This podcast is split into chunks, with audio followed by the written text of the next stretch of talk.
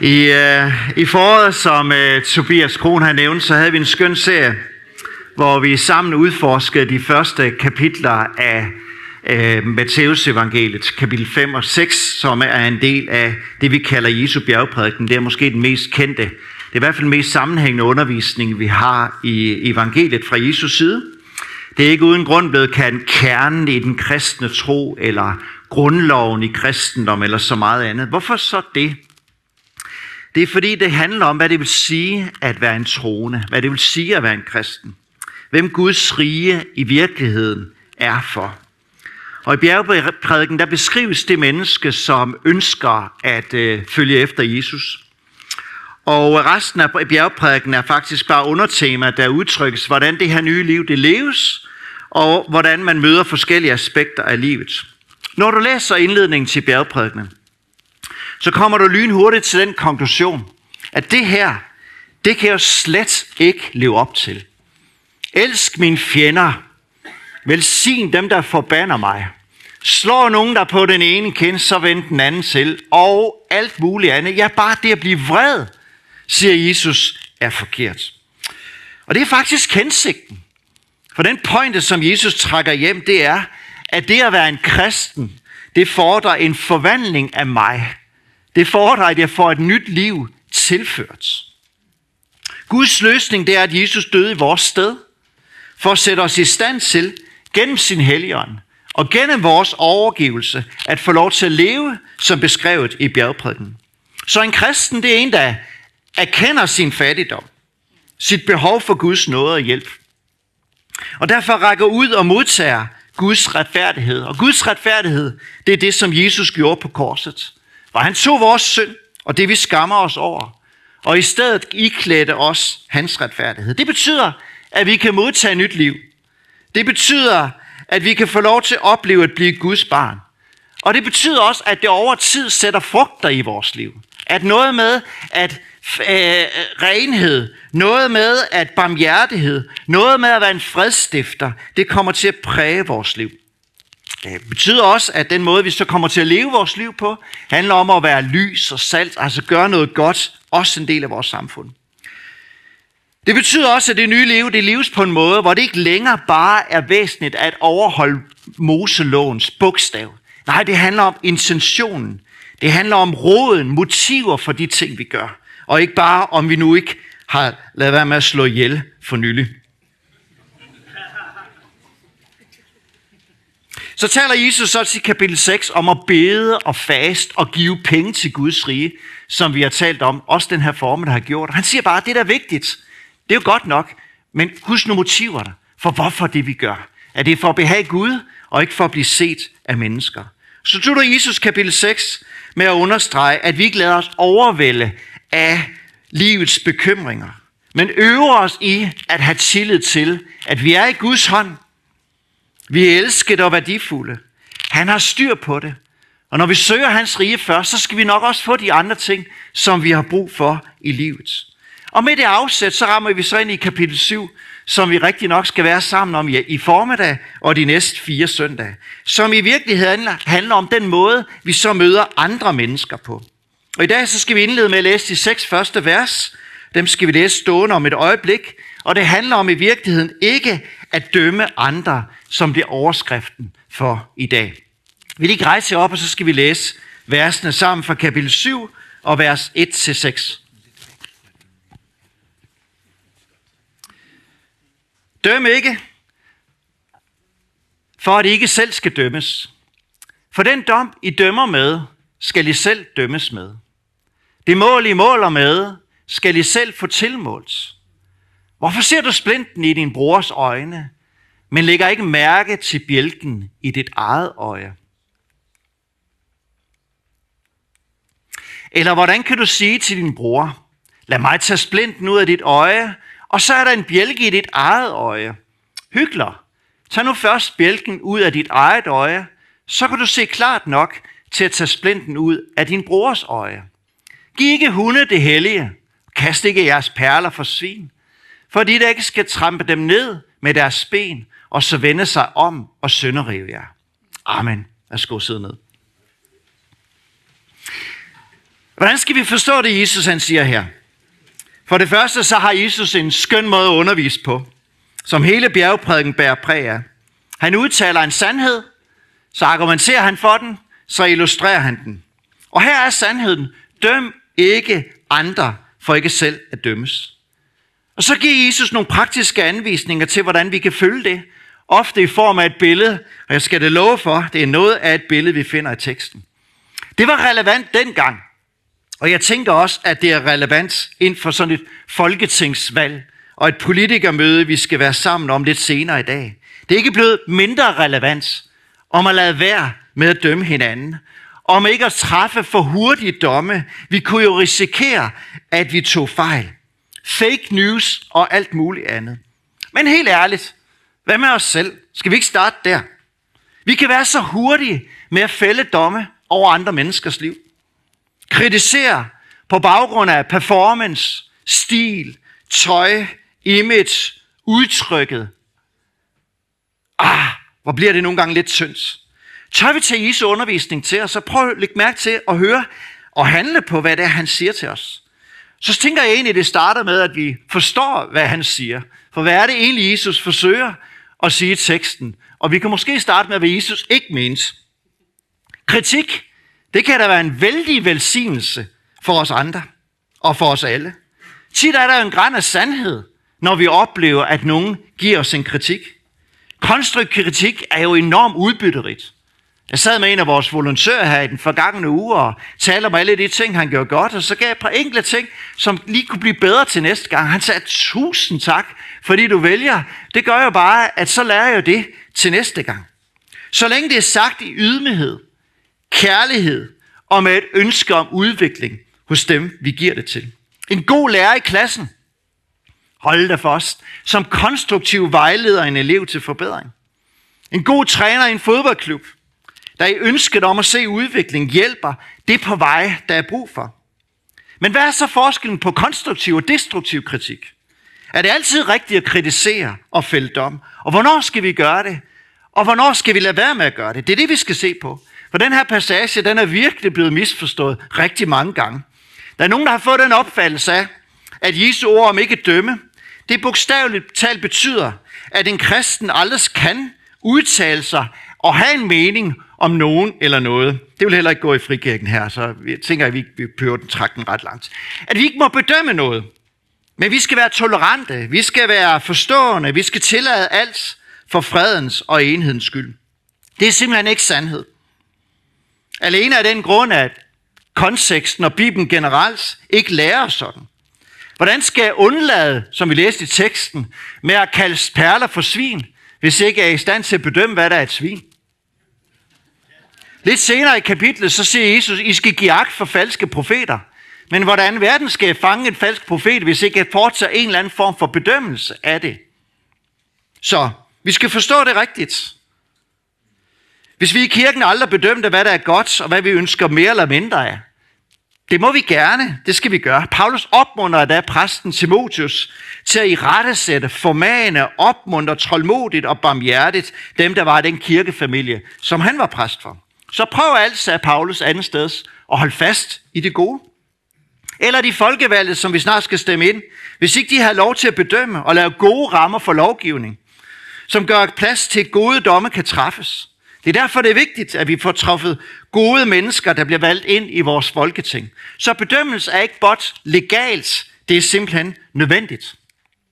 Men hvad er det så, Jesus mente? Fra hele bjergprædikkenen, men også her, så er Jesus interesseret i, hvad vi bedømmer. Hvad der er vores motiv for bedømmelse. Og det Jesus angriber her i teksten, det er en fordømmende attitude og holdning over for andre mennesker. Og det bedste billede, det er faktisk at se på farisæerne, som var de skriftkloge og de åndelige ledere i Israel, som Jesus i hele bjergprædikenen benyttede som illustration til, hvordan livet ikke skal leves. Det græske ord her, som er brugt for at dømme, det handler om at kritisere, finde fejl og fordømme. I farisæerne misforstod loven, Og de var optaget af rammen mere end kernen. Og der er et rigtig godt eksempel, som Jesus giver i Lukas kapitel 18, hvor han fortæller om, at der er en farisæer og der er en toller, der begge to kommer ind i templet, der er til gudstjenesten, som her. Og farisæeren bad noget i retning af, Gud, jeg takker dig, fordi jeg ikke er som de andre mennesker. Røver, uretfærdige, ægteskabsbryder, eller som tolleren der. Jeg både faster, beder og giver. Den ånd, der ligger til grund for den bøn, det er lige præcis det, Jesus angriber i teksten her. Vi skal ikke sætte os op som Gud og dømme vores medmennesker, når det slet ikke er vores position eller givet ansvar at gøre det. Jeg ved ikke, hvem fejseren er i dag, men jeg kender ham da godt fra mig selv. Og jeg ser også, at der er en attitude, som haver i vores samfund, og nogle gange også har været en stor udfordring for det, der skulle være Guds kirke. Fordømmelse er bare en fare for os alle. Og der er ikke noget, der tømmer en kirke så hurtigt, end når fordømmelse og kritik får lov til at sætte dagsordenen. Er det rigtigt? Vi skal udøve en god bedømmelse, i stedet for at være fordømmende. Og der er en fuldstændig verden til forskel. Vi skal ikke udpersonere andres fejl, mangler og svagheder, og få dem til at se grimme ud. Vi er ikke sat i verden for at være fejlfinder, for at være negative og destruktive mod andre, og faktisk nyde at sætte ord på deres fejl. Martin Lloyd Jones, en af de bedste bibelfortolkere, jeg kender, han siger det på den her måde. Når jeg genkender følelsen af tilfredshed, når jeg hører noget ikke godt om et andet menneske, så er det en forkert ånd og attitude, jeg besidder. Det er super godt sagt. Det er den selvretfærdige holdning, som tænker om mig selv, at jeg har min ret til at dømme. Jeg har min ret til at kritisere andre, fordi jeg er et bedre sted.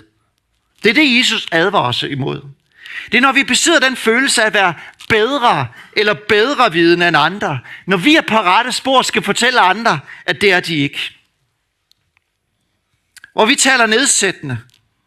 Hvis du mangler eksempler, så har jeg lyst til at opmuntre dig til at ej, det vil ikke opmuntre dig til. Så bare læs nogle af de forfærdelige Facebook-tråde, som er til at køre. Og man bliver så utrolig træt i sit sind. Når der står en, der råber, hvad der er det rigtige, og hvordan alle andre er forkert på den. Det ligner bedømmelse, men i virkeligheden er det fordømmelse. Sådan var Jesus aldrig. Sådan var hans rige ikke. Og derfor er det ikke sådan, han ønsker, dem der følger efter ham, skal være. Ofte er kritik eller dømme andre forbundet med en eller anden form for fordom. At betragte andre med kritiske øjne.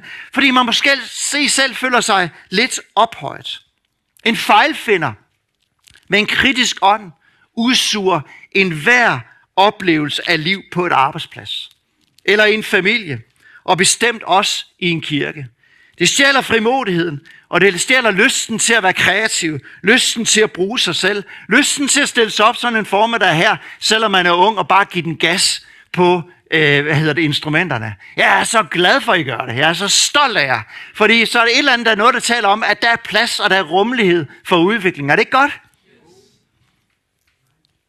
I stedet, når kritik og fejlfinding sætter dagsordenen, så vokser komplekser. Så vokser mindre værd.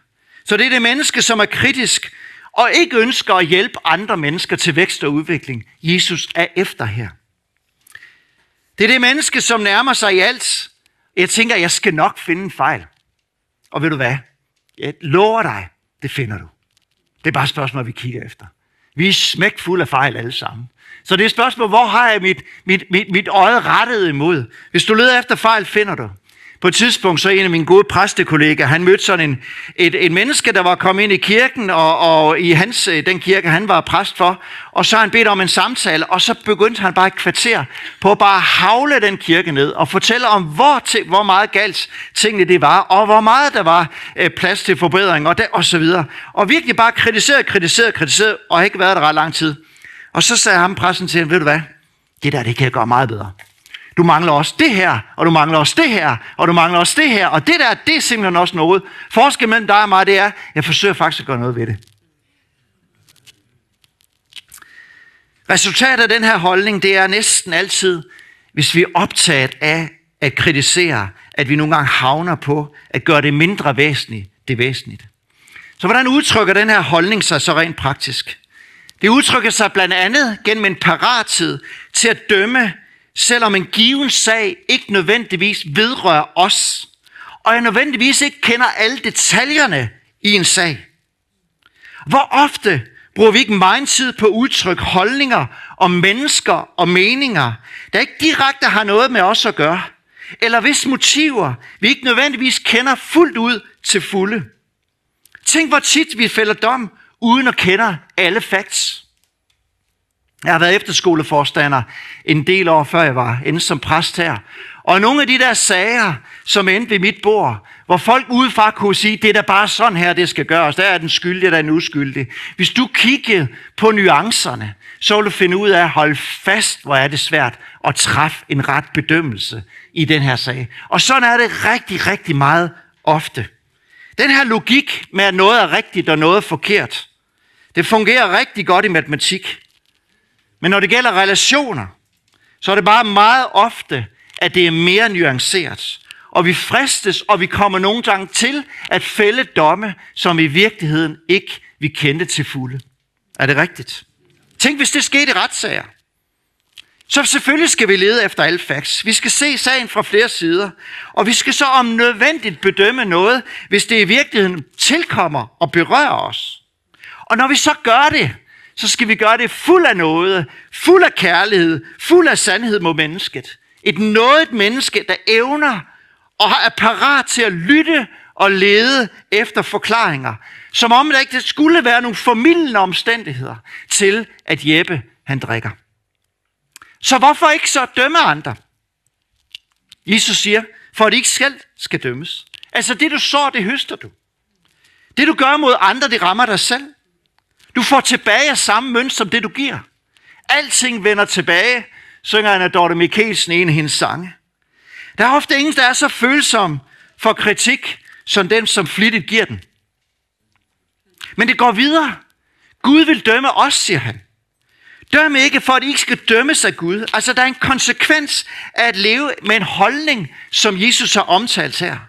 Så det er en opfordring til os til selvrensagelse.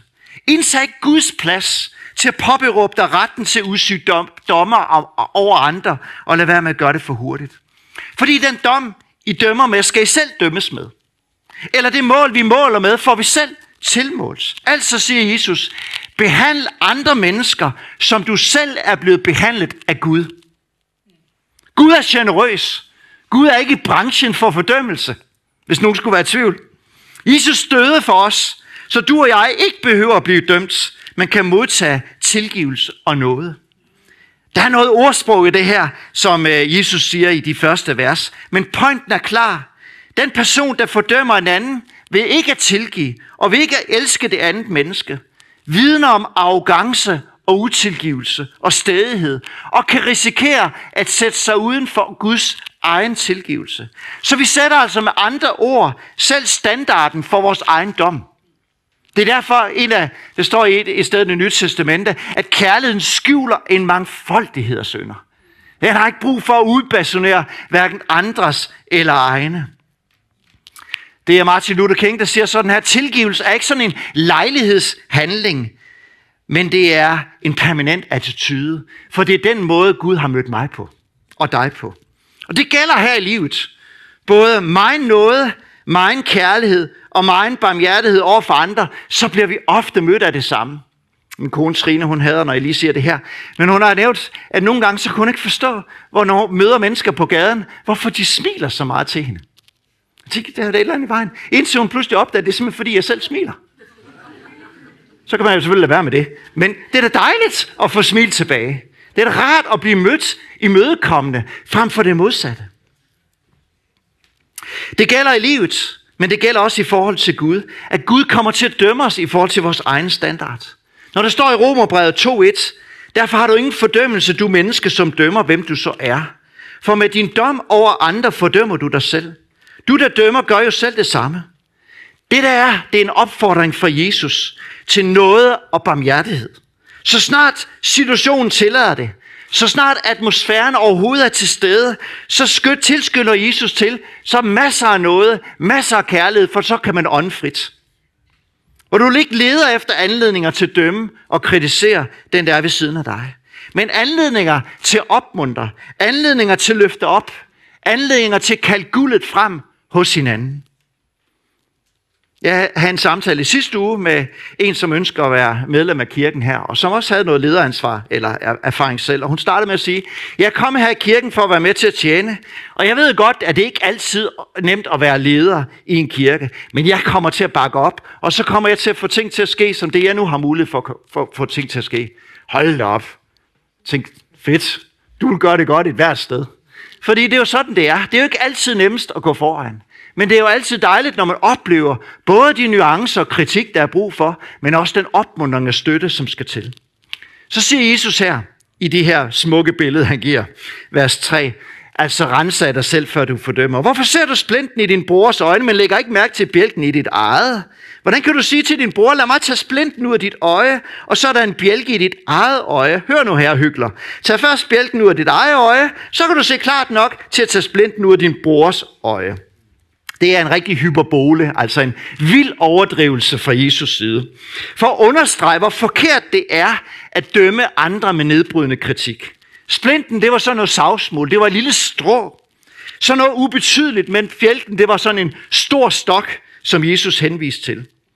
Ofte henviste Jesus til, at farisæerne var blinde vejledere, så der kunne måske også ligge et lille hint der. Men pointen det er, kom nu af med det hos dig og mig, som hindrer os i at møde andre med et åbent sind og med taknemmelighed over alle de gode egenskaber, der dem omkring dig besidder.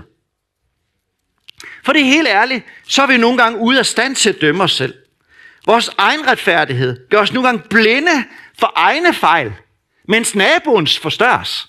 Jeg ved ikke, hvordan det hænger sammen, men det sker nogle gange i mit liv. Fejl og det, der hjælper til udvikling, det skal påtales. Men aldrig med dømmesyge, og med aldrig med selvretfærdighed som motiv, så spørger mig selv, hvorfor gør jeg det her? Hvad driver mig til at sige det her?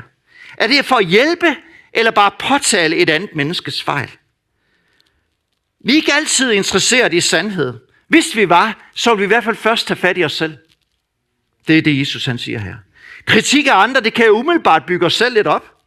Og ved at tale dårligt om andre, så er det jo nogle gange en uærlig måde at tale lidt godt om os selv på. Jeg har nogle gange tænkt på alle de der doktrinære forskelle, der til syneladen er mellem trosamfund. Det er et fremragende eksempel. Helt ærligt, der er så mange ting, der binder os sammen. Tit er det 97-98 procent, vi fuldstændig er enige om. Og så skal vi diskutere de 1 eller 2 procent, hvor vi har et forskelligt syn. Come on! Hvor er det? Og hvis vi endelig skal diskutere det, så er det ofte med udgangspunkt, at mit syn det er lidt bedre end dit. Kan I følge mig? Har I nogle gange selv været med i den der? Ej, hvor er det nogle gange lidt trist. En stor kunstner er altid sin egen største kritiker. Problemet med os det er, at vi nogle gange er mere interesseret i det, en person har gjort imod os, end at finde selve sandheden. Er det så til lige sådan en masse følelser involveret, så gør det endnu sværere at dømme ret. Så Jesus siger egentlig her, at uanset hvad jeg vil anklage min bror for, så husk nu, at der altid sidder en bjælke i dit eget øje. Og hvis vi bare minder os selv om det, så bliver vi, tror jeg, lidt mere noget over for os selv, men også over for mine brødre og søstre. Når jeg ved, at min bror har handlet forkert, så er jeg klar over, at jeg tit har gjort noget, der var meget mere forkert end han. De fejl, vi har lyst til at dømme andre for, det har jeg registreret, det er ofte fejl, som man finder i sit eget liv. Er det rigtigt? Hvad der irriterer mig allermest hos mine egne børn? Hvor kommer det fra? Når jeg kan møde en af dem, er utrolig utålmodig og instant gratification og bare derud af, kom nu afsted. Og jeg bliver så irriteret, så tag det roligt. Det, det, det, det, går jo ikke, det kan jeg godt vente til i morgen. Så spørger jeg mig selv, hvor har de fået det fra? Så rensag dig selv, hvis du vil hjælpe andre. Jesus kalder, fortsætter med at kalde os hyklere. Altså nogen, der er skuespillere, nogen, der bærer masker, nogen, der skjuler deres virkelige jeg. Altså hullet mellem det, vi viser ud til, og det, vi ved er sandt indeni. Fordi vi i bund og grund ikke altid er interesseret i at hjælpe andre, men kun er glade for at se splinten hos hinanden. Hvis du virkelig ønsker at hjælpe, siger Jesus, så er der en vej, som vi alle sammen skulle gå efter. Det er, tag bjælken ud af dit eget øje som en livsstil. Det hedder selverkendelse. At jeg ser mit eget liv med alle mine fejl, og behovet for Guds nåde, ofte, i hvert fald hos mig, så er det ofte i min stille stund, at Gud lige minder om ting, jeg lige bør bede om tilgivelse for, eller få rettet op efter. Når bjælken kommer ud af vores eget øje, som ofte er forbundet med smerte, når vi ser dem, vi i virkeligheden er, så er det muligt og et ønske for Gud, at jeg kan hjælpe andre med deres splinter. Uden at det er at dømme andre uretfærdigt, men hjælpe på vej, som en god mor eller far vil gøre over for sine børn. Og her kommer forløftet fra Jesus om at være en hjælp til hinanden med ret de små fejl, der hjælper os til at komme videre. Nu kommer jeg ikke som en hyggelig med en kritisk attitude, men jeg møder mit medmenneske, jeg som selv er blevet hjulpet af Jesus, og som kan hjælpe andre med splinter, så det ikke vokser sig til bjælker. Al konstruktiv kritik kan nu gives i ydmyghed, forståelse, generøsitet, som en god forælder nænsomt vil tage splinten ud af et barns øje, som har fået en splint deri. Platon han siger sådan her, jeg synes det er rigtig fint sagt. En græsk filosof. Vær venlig, for alle du møder, de kæmper en hård kamp. Jeg synes det er stærkt sagt. Lidt mere ro på. Alle kæmper ligesom du selv gør. Se kontrasten mellem bjælker og splinter, og så evaluer dig selv. Rens af vores udtalelser om andre. Hvad var i virkeligheden min hensigt med det her? Og når det implementeres, den livsstil, så skaber det det bedste klima i en familie. De bedste venskaber, det bedste klima i en kirke, det bedste sted, hvor man kan få lov til at trives og vokse, der hvor man nu er i livet. Jeg synes, jeg er rigtig stolt af vores fællesskab. Jeg er rigtig stolt af rummeligheden i det fællesskab. Der er højt til loftet, der er plads til at være der, hvor man nu er i livet. Og så lad os opmuntre hinanden til at vokse og støtte hinanden, til at komme til at ligne ham, vi følger efter. For der er ikke så meget som en splint i et øje, der smerter. Der er ikke noget organ, der er så følsomt som øjet. En berøring, og så lukker det. Men lad os slutte med at se på vers 6. Lad os foretage kloge bedømmelser. For næsten, vers 6 kan næsten ses som sådan en, en modsætning. Giv ikke hunde det hellige og kast ikke jeres perler for svin, for at de ikke skal trampe som ned med deres ben, og så vende om og sønderive jer. Men verset her skaber jo balance. Ellers kan vi øh, ende med, at vi er så bange for at bedømme noget, at vi kommer til at, at, at et eller andet sted at se igennem fingre med alt og lægge gode miner til slet spil i Bibelens navn. Det viser igen bare, at Bibelen skal læses i sammenhæng. Bedøm din modtager ret. Vid, hvem det er, du har foran dig. Og det hellige og det, der tales omkring perler her, det henviser til evangeliet om Jesus, budskabet om Guds rige. Men hvem er så hundene? Og hvem er svinene? Det der spændende sprogbrug, Jesus anvender. Du kan ikke beskylde ham for at være kedelig. Nogle gange kaldte han folk slange, slangeøngel og kalkede grave. Hunde, det var ikke kæledyr, som på vores tid. Det var skraldemanden, det var smittebæreren, det var det urene, det var det halve vilddyr. Og svin, det tænker jeg for, vidste vi godt for en jøde, det ikke behøver nærmere forklaring. Det var noget svineri. Så at synde gør jo ikke nogen til en hund eller et svin. Så ville Jesus jo selv være en, der kastede perler for svin. Han levede og spiste og elskede den almindelige borger i Israel. Men det henviser til mennesker, der tilsøler sig som svinet, samtidig med, at de ved, hvad der er ret. Altså siger Jesus, lad være med at give nogen noget, som ikke vil eller kan værdsætte det, du ønsker at give dem. Og det kunne også godt være en henvisning til farisæerne, som lyttede med. Så hvordan praktiserede Jesus det her? Jesus differentierede mellem mennesker. Han behandlede dem altid individuelt. Hvem er det, jeg har foran mig? Er det en Nikodemus? Er det en prostitueret? Er det en hyggelig? Er det en toller? Og så behandlede dem ikke i forhold til deres efternavn eller deres erhverv, men i forhold til, hvordan de stillede sig foran det budskab, han gav dem. Om de var tørstige, længselfulde, ligeglade, og lige så blid og nådig han kunne være, lige så hård og præcis kunne han også være, når han mødte farisæernes attitude. Så vi kan lære at behandle det enkelte menneske i forhold til, hvem de er. Og hvis følsomhed over for min modtager er mit udgangspunkt, så har vi startet et godt sted, hvor vi har taget bjælken ud af øjet og ser skarpt, men følsomt over for min modtager, der står i den anden ende, og ikke overlæns eller bedre vidne. Lovsang, I må gerne komme frem.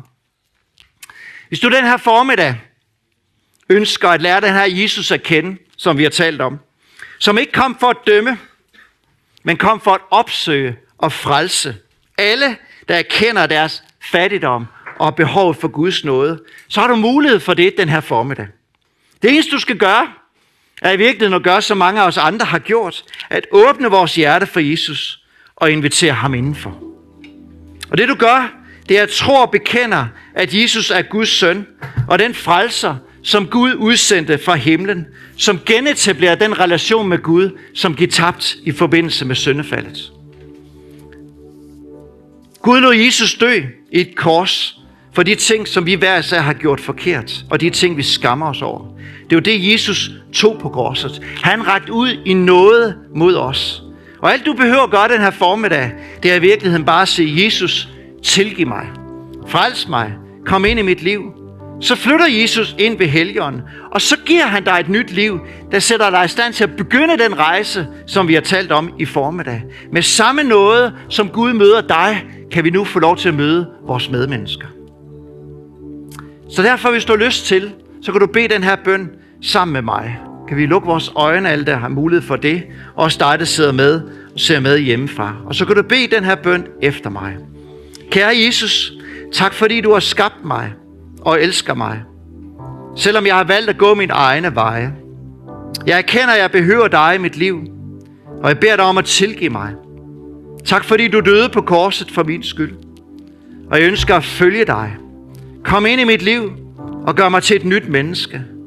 Jeg bekender og tror, at du er Jesus Guds søn, og jeg ønsker at tage imod din frelse. I dit navn beder jeg. Amen. Og hvis du har bedt den her bøn, den her formiddag, eller med hjemmefra, så kan du ringe ind på forbundsnummeret, som kommer frem nu. Og hvis du sidder her i salen, så kommer hils på mig, eller en af forbederne efter gudstjenesten. Vi kommer til at afslutte online streaming nu, men vi kommer fortsat med at søge Gud sammen her på Niels Broksgade.